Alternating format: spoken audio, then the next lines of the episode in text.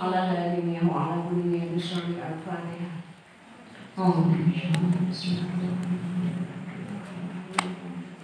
إياك نعبد وإياك نستعين اهدنا الصراط المستقيم Assalamualaikum warahmatullahi wabarakatuh. Sehat semuanya? Alhamdulillah. Bahagia semuanya? Insya Allah. Ya, Alhamdulillah sudah banyak wajah-wajah yang tersenyum. Ya, hari ini uh, Ibu akan menyampaikan tentang menggapai cita-cita. Tapi sebelumnya, Ibu mau tanya, siapa yang mau jawab berdiri? Pertanyaannya gampang loh, tapi jawabnya harus cepat. Putra satu, putri satu. Ya Pak, Mas Mahmud atau Pak Faiz? ya Mas Mahmud dulu. Ya, cepat ya jawabnya ya. Pilih salah satu. Sepuluh ribu, seratus ribu, satu juta. Satu juta. Rumah kecil, rumah sedang, rumah besar. Rumah besar. Rumah besar. Guru SD, guru SMP, dosen. Karyawan, dosen, dekan. Dekan. Sepeda, motor, mobil. Mobil. Oke. April. Ya, jawabnya cepet gitu ya. Yang putri siapa? Vina, Siapa siapa? Mbak Vina. Mbak Vina. Namanya bagus-bagus kok pincuk. Ya Mbak Vina, ya cepet ya. S1, S2, S3.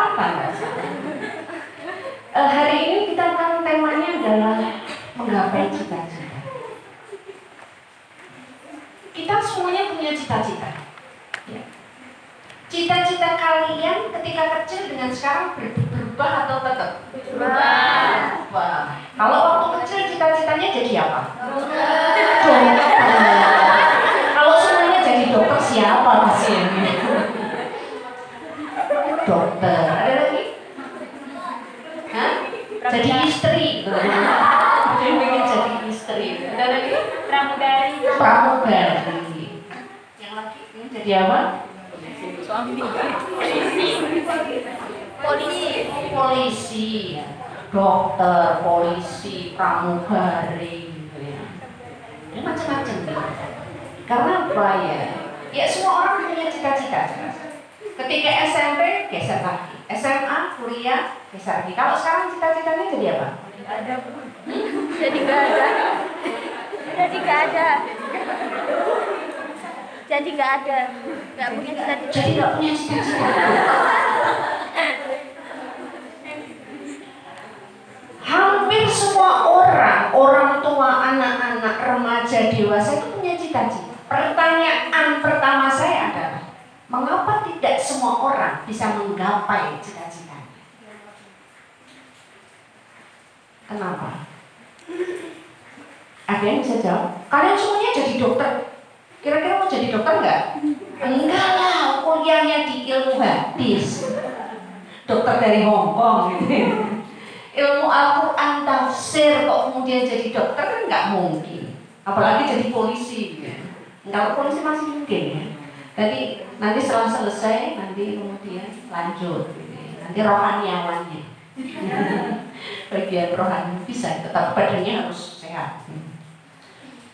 Jadi semua orang punya cita-cita, tetapi mengapa tidak semua orang bisa menggapai cita-cita? Lebih banyak mana yang bisa menggapai cita-citanya atau yang sedikit menggapai cita-citanya? Sedikit. Sedikit atau lebih banyak? Sedikit. Sedikit. Kenapa?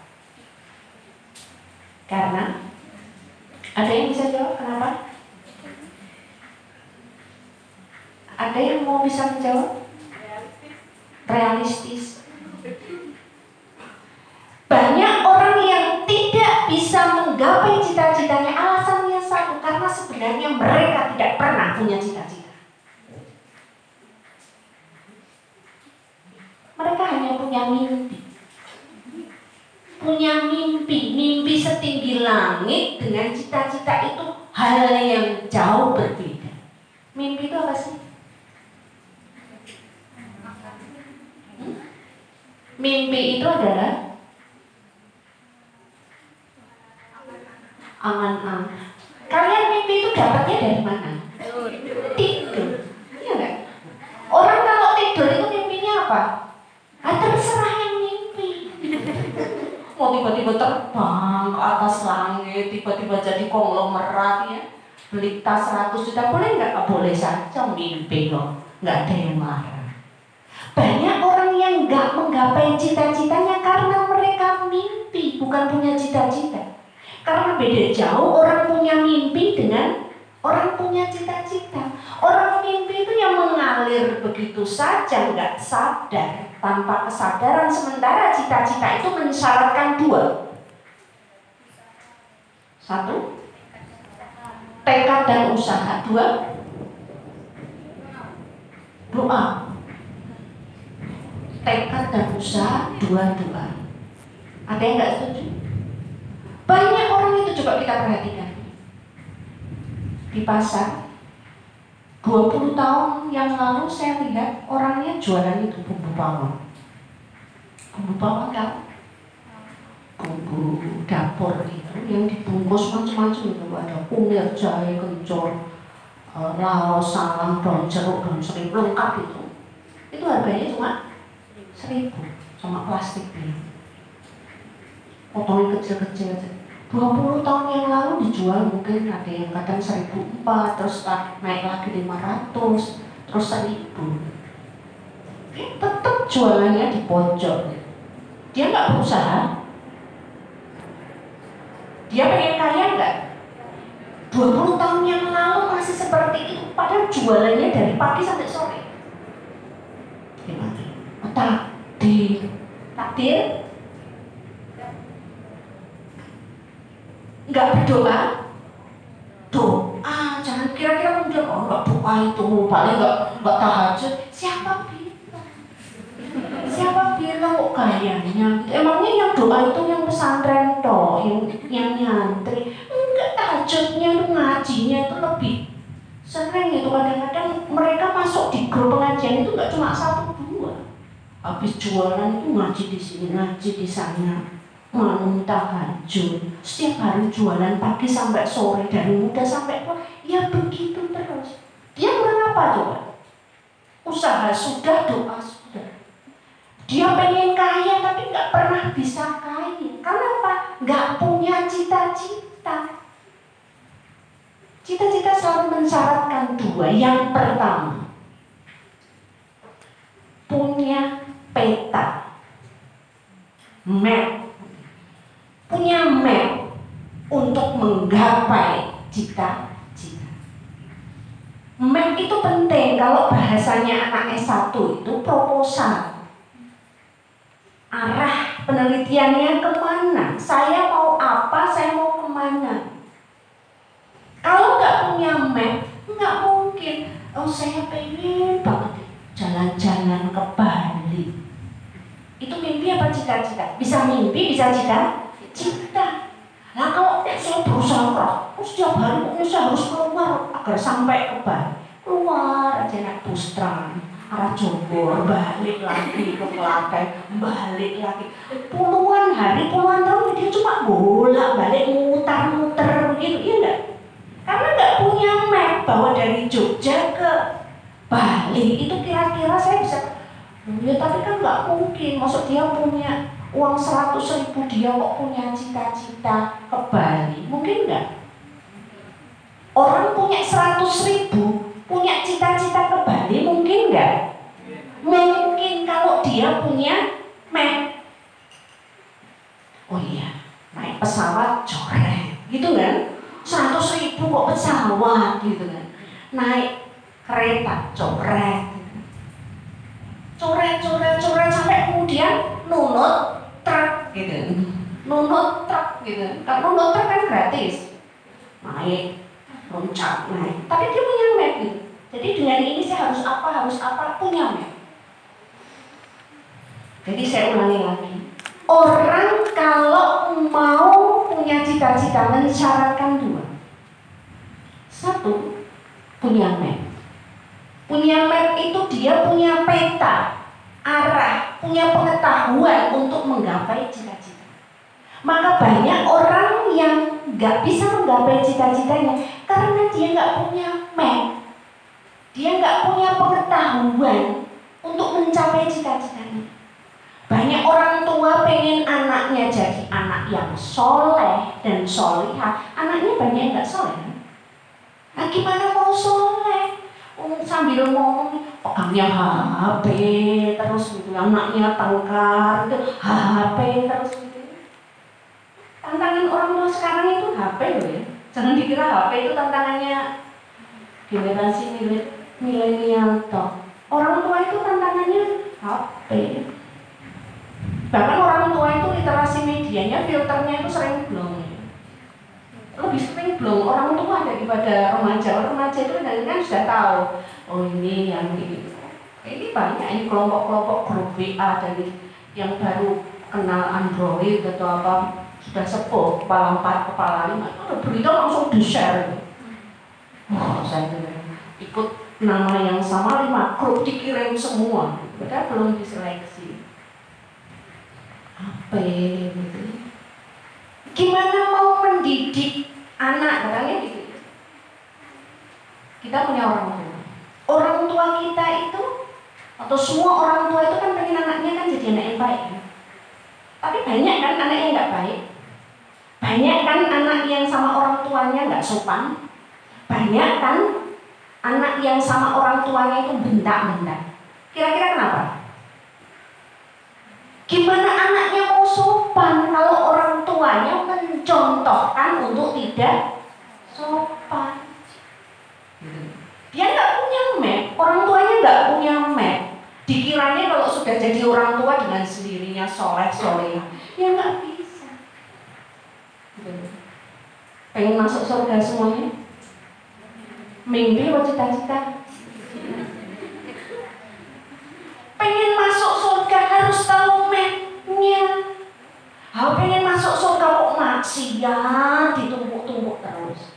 Mau berbuat baik ditahan-tahan terus ya seperti itu. Saya contohkan sederhana saja. Bikin sambal terasi itu susah apa gampang? Gampang. Bagi banyak orang ini bahannya sama. Lomboknya sama layahnya sama ulek-uleknya sama. Tapi begitu dipegang satu orang dengan orang lain hasilnya beda. Kenapa cara bikinnya beda aja hasilnya beda kan? Bikin oseng-oseng sama brambang bawang lombok salam laos. Hasil ini kok cemplang ya? Eh, gimana nggak cemplang masukin semuanya langsung dimasukin yang satu pakai trik ada teknik gitu nggak akan bisa sampai umur 45 tahun 50 tahun bikin sambal kalau dia nggak pernah belajar untuk bikin sambal yang ini bahkan untuk memilih cabai yang seperti apa itu butuh pengetahuan. Coba bikin sambal lomboknya sudah gini, eh satu busuk. Rasanya udah bikin ayam geprek itu yang ada sambal bawangnya itu. Itu bikin sambal bawangnya tahu ya caranya? Diapain? Hmm? Diapain coba? Sambal, lombok sama bawang sama garam terus diapain? Di minyak, minyak mentah atau minyak matang? Hmm, Minyaknya minyak yang masih hangat, panas, nggak terasa. Karena kalau air eh, minyaknya itu tadi adalah minyak yang nggak panas nanti langu ya. Bau apa? Bau bawangnya itu masih terasa. Itu kalau bawangnya ada sambal bawangnya itu kayak kalau orang banyak jual itu. Tapi kalau mentah ya mentah saja. Itu hal sederhana kalau kita nggak belajar ya nggak bisa bisa. Ya kan? Sampai tua nggak bisa itu. Maka bersyukurlah dikasih piket. kasih piket itu bersyukur karena paling nggak tahu gitu ya. Karena kalau ngekos itu kan nggak dikasih fasilitas itu bikin kotor. Kalau sini ya biarin kotor. Biarin kotor karena cita-cita itu memang butuh proses gitu. banyak orang yang punya keinginan tapi mereka tidak bisa menggapai apa yang diinginkan karena sebenarnya mereka hanya bermimpi. Itu. Nggak ngerti ilmunya. Nggak tahu apa yang harus dia lakukan. Kayak orang kalau nulis penelitian skripsi tesis disertasi itu kan pasti butuh proposal. Ya butuh proposal itu adalah map arah penelitian yang akan kita buat nggak bisa kok kita langsung pokoknya saya pengen meneliti? Ya ditolak. Ya harus ada alasannya. Sama seperti seorang laki-laki yang datang ke orang tua perempuan itu melamar. Ditanya saya mau melamar anak bapak. Kenapa kok melamar nggak tahu. Pokoknya pengen aja. Kira-kira kalau kita jadi orang tua mau dikasih nggak enggak lah. Orang nggak jelas gitu ya. Nah, pokoknya pengen aja gitu. Jadi orang yang punya map punya pengetahuan dia akan menjadikan map itu pengetahuan itu sebagai pijakan. Nah persoalannya adalah dari mana kita dapat map itu? Belajar. Kita harus tahu ketika kita memiliki cita-cita tertentu, maka kita harus tahu tentang cita-cita kita dan ke mana kita harus bertanya. Misalnya kita siap uh, memiliki cita-cita tertentu, misalnya dalam pendidikan, saya ingin meraih tingkat intelektual yang tinggi, kira-kira begitu. Maka kepada siapa saya harus bertanya? Ya, kalau saya pengen jadi pengusaha, lah kok tanyanya ke saya? Ya enggak pas, oh saya ini buruh kok. Ya. Jadi kalau pengen jadi pengusaha, ya tanya kepada mereka yang berhasil menjadi pengusaha. Nah, kalau begitu, apa yang harus kita lakukan? Maka sekali lagi gariskan bahwa banyak orang yang nggak bisa menggapai cita-citanya karena mereka nggak punya map dan nggak mau belajar untuk bisa punya map. Padahal ini sesuatu yang penting yang harus kita lakukan kalau kita mau melakukan sesuatu. Bisa hafal Al-Quran 30 juz, mimpi atau cita-cita ya? Mimpi apa cita-cita? Kalau cita-cita, ya nggak mungkin lah tidur terus tiba-tiba apa 30 juz Ya enggak? Iya. Waktunya takrir, takrir waktunya setor, setor waktunya murojaah, murojaah simaan, simaan. Mapnya itu di oh, ini loh tulisannya jadwal murojaahnya saja sudah satu papan tulis. Itu map itu. Tapi kalau mapnya itu tadi tidak dianggap sebagai map artinya memang kita nggak mau belajar bahwa untuk mencapai sesuatu itu butuh map. Ya kayak nggak sadar saja. Banyak yang nggak sadar. Orang tidur mimpi itu kan masih tidur ya?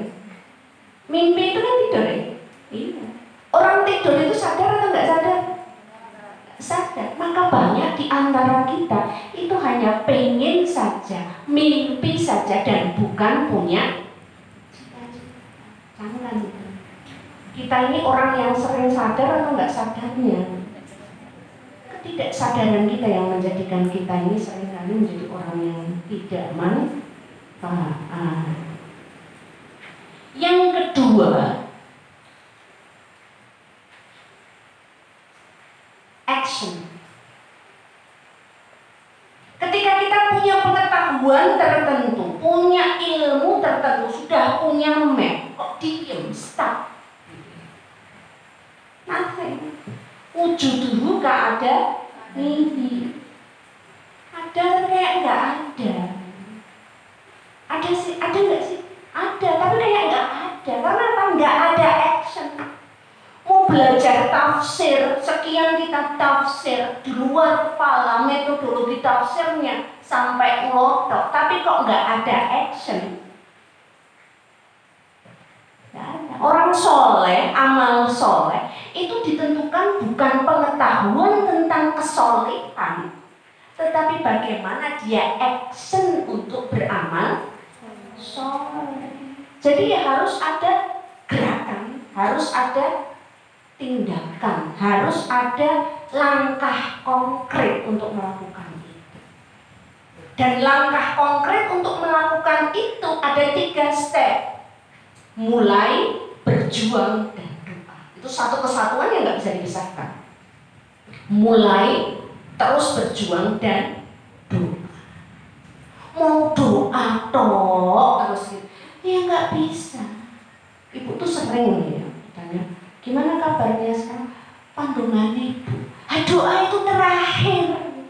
Kalau saya doa tok itu nggak ada action ya nggak ada. Action doa itu adalah rangkaian terakhir setelah kita terus berusaha selalu berjuang baru berdoa. Itu keberimbangan action itu seperti itu. Harus siap untuk mulai. Kadang-kadang orang itu paling berat itu kan mulai. Merasa nggak? Merasa. Waktu pertama kali bisa naik motor, berat nggak rasanya? Berat banget, panas nggak? Banget. Eh, istilah ini kita uh, mau ke mana? Diam toh. Diam toh. Konsentrasi ini loh. Saking tegangnya gitu ya, pegang bonceng gitu. Tegang gitu ya kencang gitu ya. Eh enggak enggak. Tadi tugasnya apa? Sudah tuh nanti kalau sudah berhenti. Kencang banget. Gitu mulai itu mesti berat bener mulai apa pun. Mulai dagang itu yang yang yang pertama kali dagang. Dagang itu kalau kita ngelihat ya misalnya itu di angkringan gitu kita ngelihat oh, enak banget ya tinggal ngitung uangnya berapa gitu. Mulainya yang berat itu. Jangan ngitung labanya kok dia mulai merintis usaha itu. Berat banget. Mulai berumah tangga. Senang apa berat? Senangnya sebentar habis itu berat banget loh. Jangan dikira gitu ya tadinya jauh ada batas sekat itu kemudian nggak ada batas. Itu senang tapi setelah itu kan kelihatan aslinya semuanya kelihatan aslinya semuanya yang dulu ditutup-tutup ini kelihatan terpolo jebule. Gitu jebulnya sarung dilempar ya berharap kayak di sinetron gitu ya dikasih uang sama suaminya terus lari-lari gitu.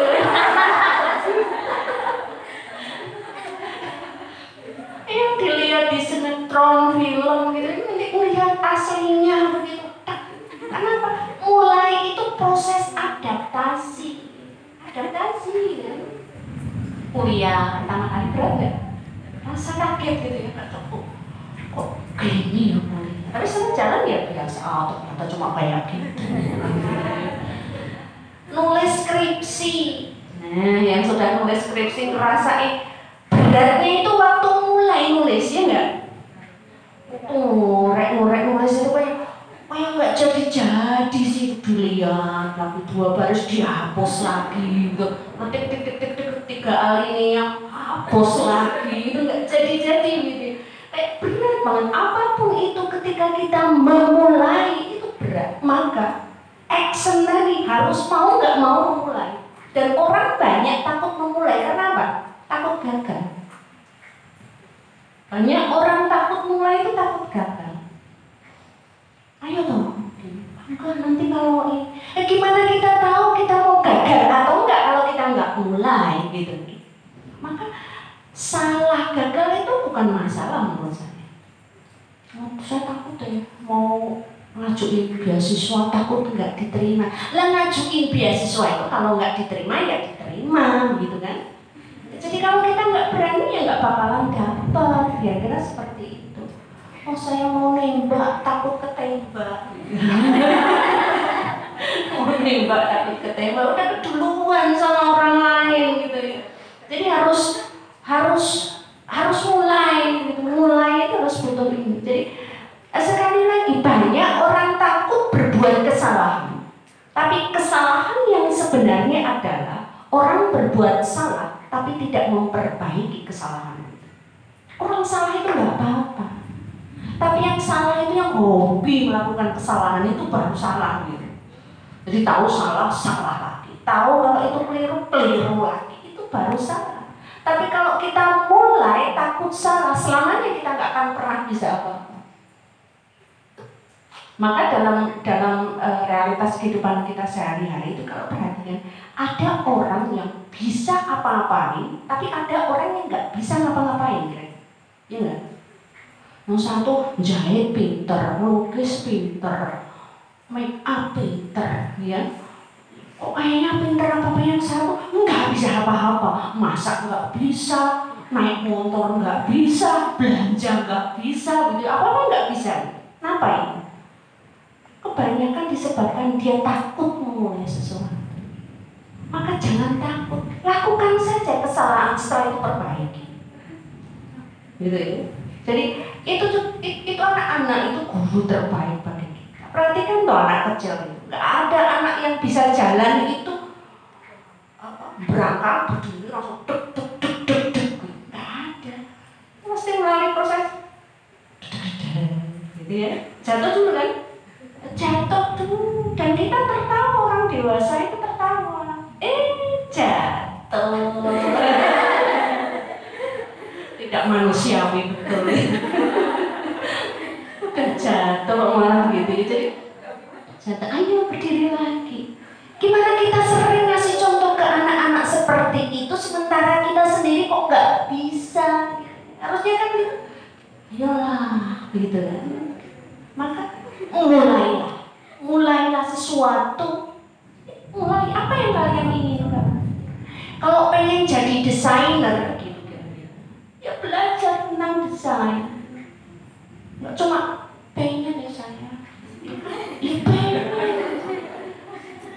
beneran. Pengen pengen banget. Ya nggak bisa. Udah udah udah udah pengen jadi petani yang berhasil ya belajar nanam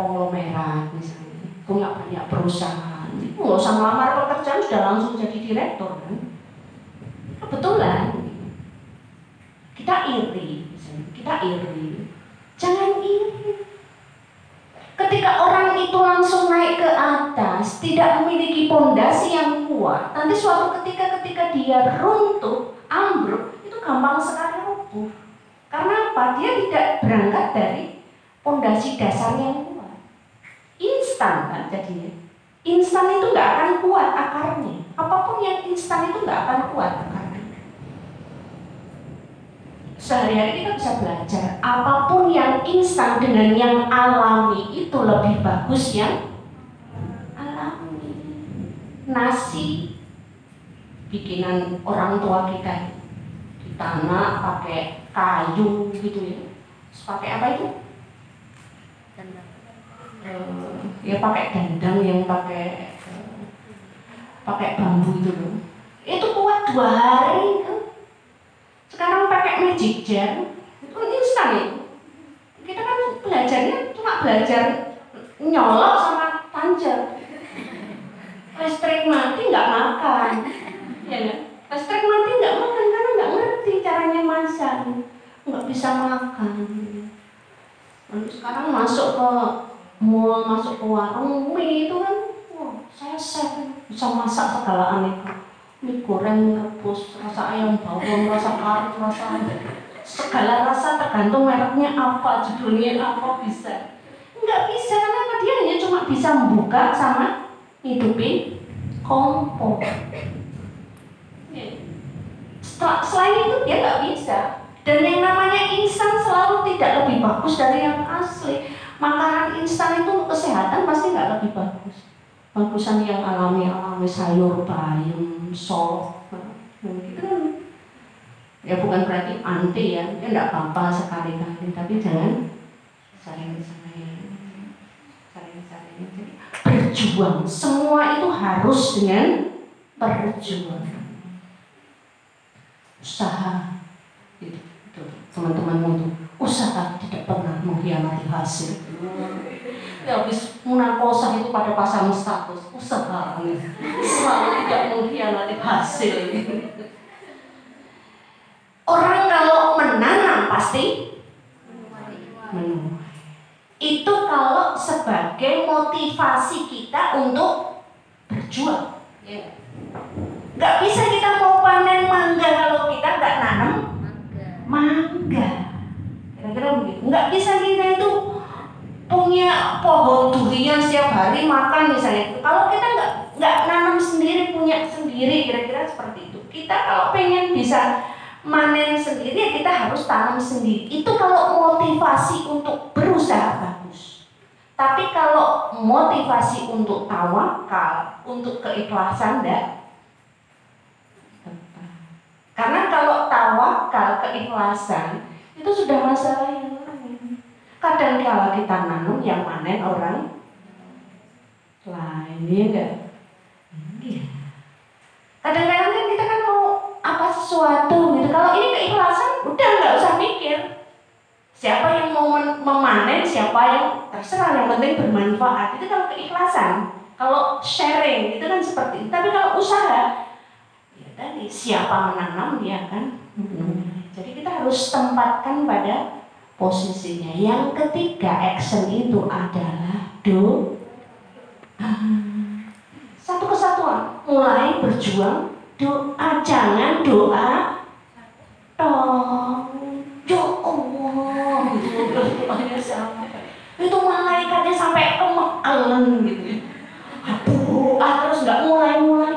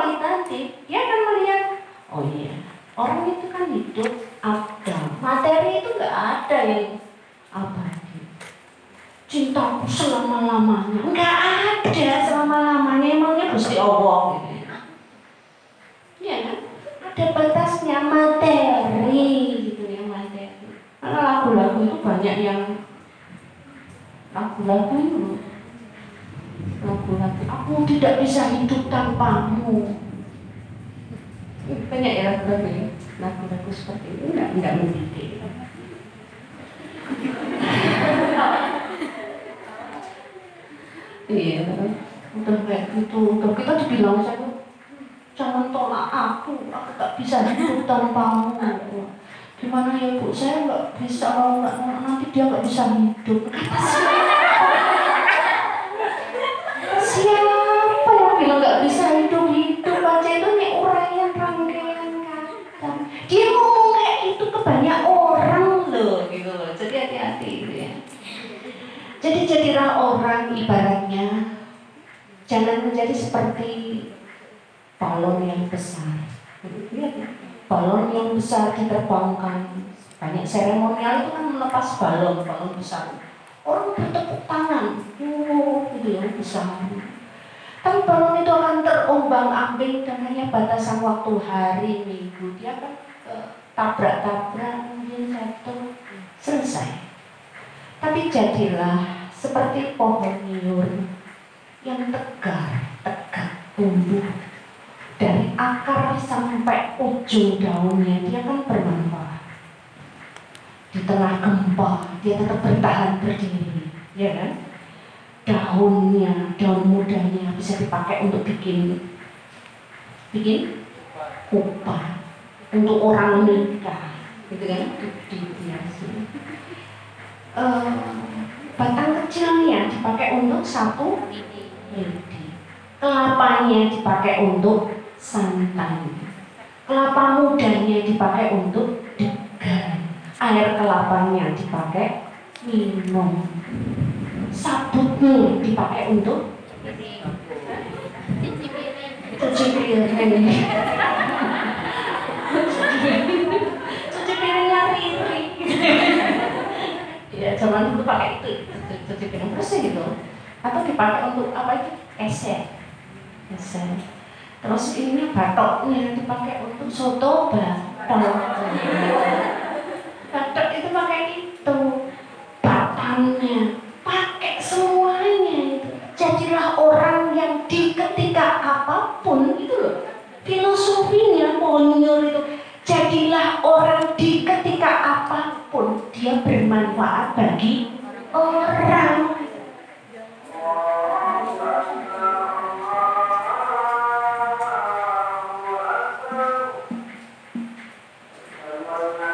Jangan kita merasa sukses bolak-balik itu harus saya sampaikan ya bolak-balik harus diingatkan kembali. Jangan kita merasa sukses kalau kita sendirian merasa sukses. Ada pada satu titik nanti kamu merasa kesuksesan itu seperti hampa. Dan itu rasakan sekian puluh tahun yang lalu.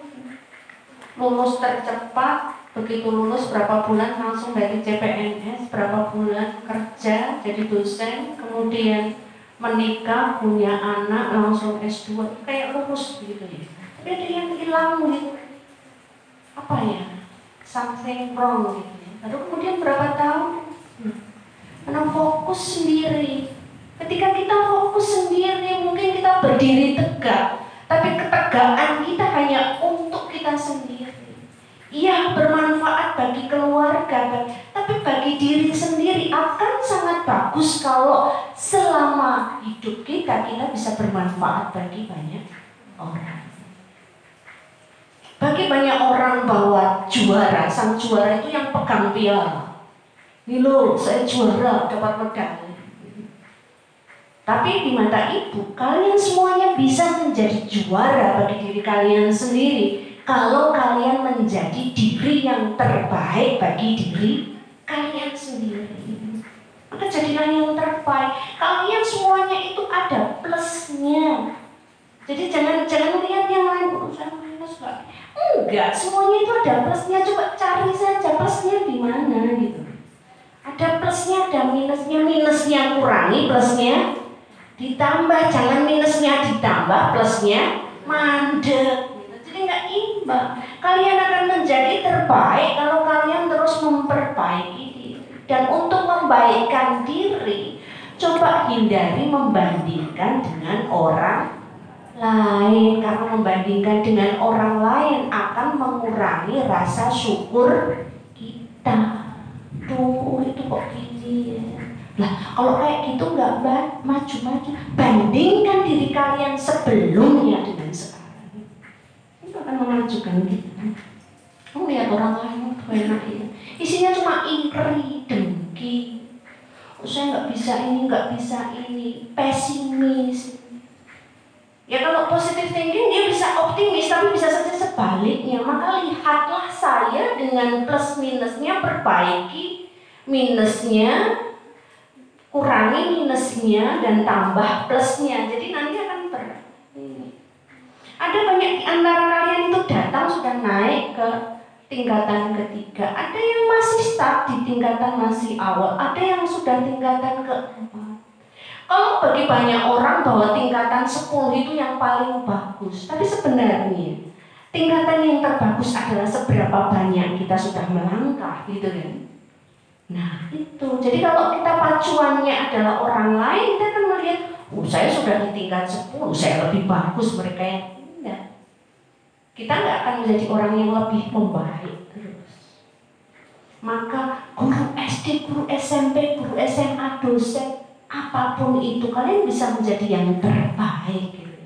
Tidak harus menjadi dosen, menjadi apa pun jadilah yang terbaik. Nggak harus jadi rektor, jadi dosen biasa pun atau jadi karyawan jadilah yang terbaik. Nggak harus di kota besar, di tempat terpelosok pun jadilah orang yang terbaik dan Itulah kalau kita ingin punya cita-cita dan cita-cita kita bermanfaat bagi orang lain. Itu harapan Ibu. Ada pertanyaan? Ada yang mau tanya? Ya Mbak Rini. Tentang bermanfaat bagi orang lain. Hmm. Itu proses juga nggak untuk menjadi bermanfaat bagi orang lain. Iya, butuh proses nggak untuk bisa bermanfaat bagi orang lain. Iya. Dalam hidup itu semuanya butuh proses. Tetapi ketika kita, uh, saya masih ingat ya, waktu waktu ada orang bilang, apa yang bisa kamu lakukan? Saya hanya bisa melakukan sesuatu untuk satu dua orang, satu dua orang saja. Apakah ini sudah bermanfaat? Karena angka 100 itu dimulai dari angka satu. Butuh proses, apa-apa. Kadang-kadang kita kan aduh murid saya dari dulu nggak nambah-nambah cuma satu tok gitu ya nggak nambah-nambah loh kita melihat sejarah si Nabawi yang Nabi itu di Mekah berapa?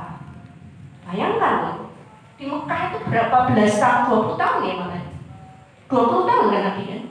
Sebelum ke Madinah beliau berapa tahun itu uh, setelah jadi Nabi itu? Berapa tahun? 40 tahun Nabi pindah 50 sekian, 40 belasan tahun ya, belasan tahun. Nanti sejak Nabi bukan sejak Nabi lahir, tapi sejak Nabi diutus menjadi Nabi itu kan belasan tahun. Itu pengikutnya berapa? Ribuan? Enggak, dikit. Ya? Belasan tahun loh, cuma dikit. Kita kan, ya begitu di Medina langsung bro, bro, bro, bro. Nah, semuanya itu butuh proses butuh ketelatenan, butuh perjuangan, butuh mulai, butuh perjuangan dan seterusnya. Nah, yang penting kita sudah tahu mapnya, mulai berjuang, doa, apa pun hasilnya kita baru tahu. Yang penting saya sudah berusaha. Itu yang paling penting. Insya Allah kalau kita selalu seperti itu ya, kita di mana pun kita menjadi apa pun kita menjadi yang terbaik. Allahumma Amin. Itu harapan ibu ya. Kalian semuanya tidak di sini terus. Suatu ketika harus ada di satu tempat bersama siapa pun. Ibu tetap berharap kalian menjadi yang terbaik. Masih ada? Ya, Mbak Atun.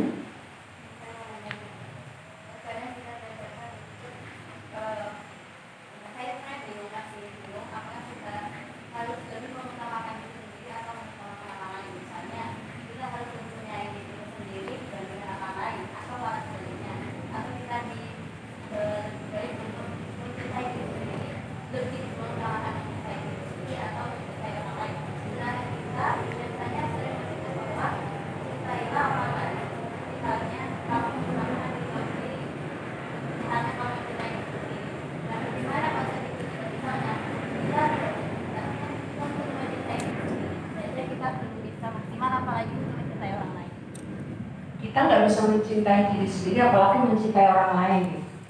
Mana yang didahulukan antara mencintai diri sendiri sama mencintai orang lain? Ya, tergantung orangnya siapa. Nah, suaminya orang kok dicintai? Gimana? Cinta terhadap sesama maksud saya, cinta terhadap sesama kita ketika kita mencintai diri kita, sebenarnya secara otomatis kita juga mencintai terhadap sesama. Karena apa? Ketika kita mencintai diri kita, kita itu kan konsentrasi terhadap diri kita, ya kan? Konsentrasi terhadap diri kita. Artinya ki- kita akan me- memperlakukan eksistensi diri kita itu sebaik-baiknya.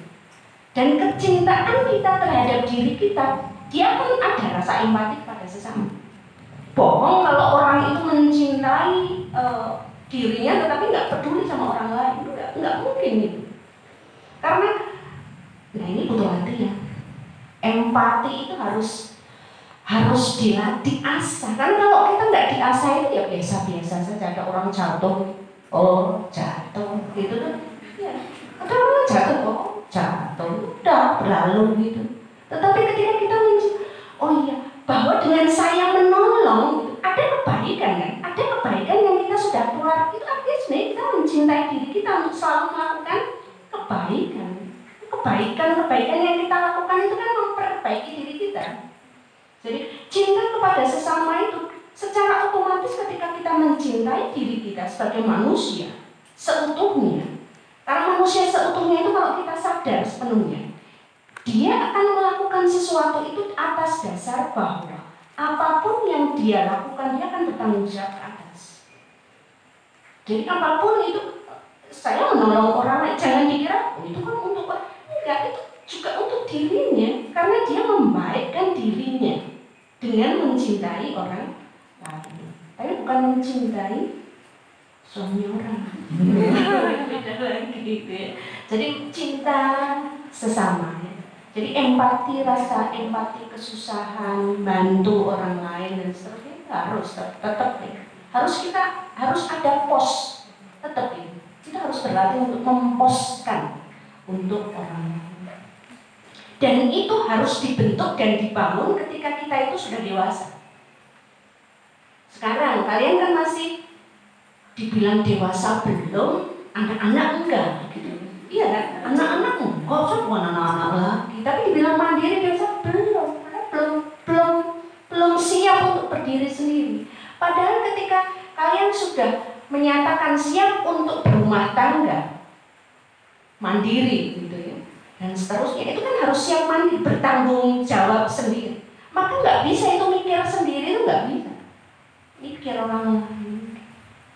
Ketika seorang anak itu menikah dengan orang lain itu kan bukan hanya menikah dua orang, dia menikahi keluarganya, menikahi tetangganya, menikahi mbah-mbahnya, pak leknya, pak itu satu paket. Satu paket, pakai diskon lagi. Kan satu paket gitu loh, nikahnya akarnya sama satu orang tapi kan nah satu ini. kira-kira itu butuh benar-benar mencintai ya berat bu tapi kalau dilewati itu sebenarnya jadi kesiapan kita untuk melewati itu ya. ibu selalu ilustrasikan sederhana seorang jadi ibu itu kalau dipikir berat. Baru ngantuk mak. Gitu ya. Itu nggak jengkel. Nggak jengkel ibu apa kayak gitu? Itu kan kalian. Kalau sama temen gitu aku tentang ngerjain gitu ada temennya berisik gitu marah ya. Ibu itu cuma merepotkan gitu dia masih bisa senyum loh. Makan gitu sudah konsentrasi makan. Anaknya langsung apa?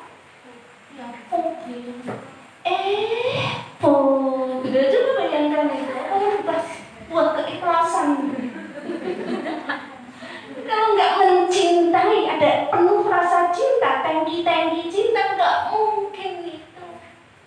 Nggak mungkin. Nah itu yang kemudian harusnya kita bisa hanya bukan kepada orang-orang yang punya ikatan darah begitu anak biologis bisa saja hanya dua tiga tapi kita bisa memperlakukan anak-anak yang lain sebagai anak kita sebagai anak anak ini yang yang harus ada rasa cinta. Kepekaan kita untuk memikirkan orang lain itu bentuk rasa cinta kita.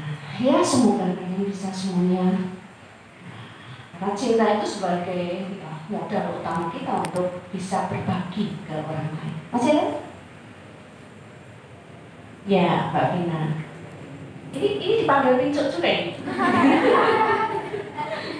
ini saya kira ya gimana Mbak Vina? melanjutkan pertanyaan tadi kan tadi kan maksudnya ketika kita mencintai diri sendiri kita dapat belajar untuk berempati kepada orang lain tapi mungkin ada ada seseorang ada orang anggap saja teman saya Hmm. itu dia eh, eh, sangat mementingkan eh, kepentingan orang lain maksudnya memperhatikan orang lain sampai tidak memper- memperdulikan dirinya sendiri Hmm. Mungkin kalau dilihat dia sangat lucu ketika berkumpul dengan sahabat-sahabatnya. Dia sangat asik ketika berkumpul dengan sahabat-sahabatnya. Tapi ketika dia sendiri, dia merasa kesepian, dia merasa kosong, ada kerampuhan dalam dirinya, tapi dia dia dia selalu memikirkan sahabatnya, maksudnya eh, dia selalu memikirkan kebahagiaan orang lain. Hmm. sampai tidak memperdulikan dirinya sendiri. Mungkin contohnya kalau di film itu ada joker gitu, Hmm. tapi pasti di realitas di sekitar kita itu banyak. Kayak artis. Artis itu kan gitu harus harus ya tampil mengembirakan menyenangkan orang lain. Kayak kayak gitu gimana? Banyak nggak? Banyak jadi ada di antara kita yang mencoba untuk eh, ya ya ya berlaku sudah bagus kan? Artinya ketika dia menge-share untuk berbagi itu sudah bagus. Tapi ada porsi yang dia nggak seimbang. Artinya dia kosong di dalam. Nah ini yang sebenarnya harus harus imbang itu seperti itu. Nggak salah itu ketika dia peduli mem- menyenangkan orang lain nggak salah. Tetapi ada hal yang kemudian dia harusnya mencoba mengevaluasi saya kok kalau seperti ini terus bagaimana? Kayak bipolar berarti ya mungkin ya. Kayak modelnya bipolarnya satu kayak apa ya bahasanya apa paling? Pencitraan bukan? Pencitraan bukan?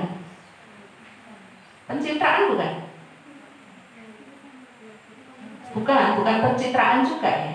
Artinya ya mungkin itu lemah dari segi uh, how to manage how to manage uh, the portion ya. Jadi bagaimana memanage porsinya. Porsi. Seseorang itu kadang-kadang ngerti ya. Ada porsi-porsi tertentu internal eksternal. Nah, dia eksternalnya dia bagus tetapi internalnya dia kropos gitu nah internalnya itu yang mestinya di mungkin mungkin satu sisi dia mikirnya gini kalau saya rapuh nanti orang nggak nggak nggak nggak bisa merespon apa yang saya ini kan kan nggak harus seperti itu jadi orang itu banyak gini nih misalnya kan di masyarakat kita.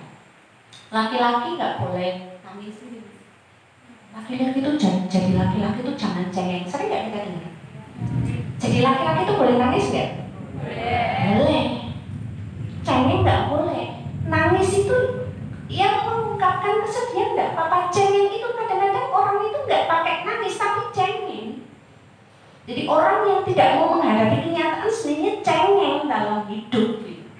mungkin nggak pakai nangis tapi ada orang yang menangis sebenarnya dia nggak cengeng karena apa dia butuh nangis gitu. jadi itu tadi menurut ibu dia porsi internalnya saja yang kurang dapat ini, kurang dapat perhatian. Jadi nggak imbang dalam hidup itu dia dia jomblang gitu. Ya, porsinya itu tadi seharusnya dia melihat bahwa dia sudah positif keluarnya, tapi negatif di dalamnya itu nggak dia perbaiki. Kira-kira seperti itu. Caranya gimana? Sebenarnya nggak apa-apa kok kalau kemudian dia rapuh, kemudian dia luapkan kerapuhannya. Jadi ada satu titik-titik tertentu kita, kalian, kadang-kadang kan mangkel, marah, bosan, jengkel, gitu ya.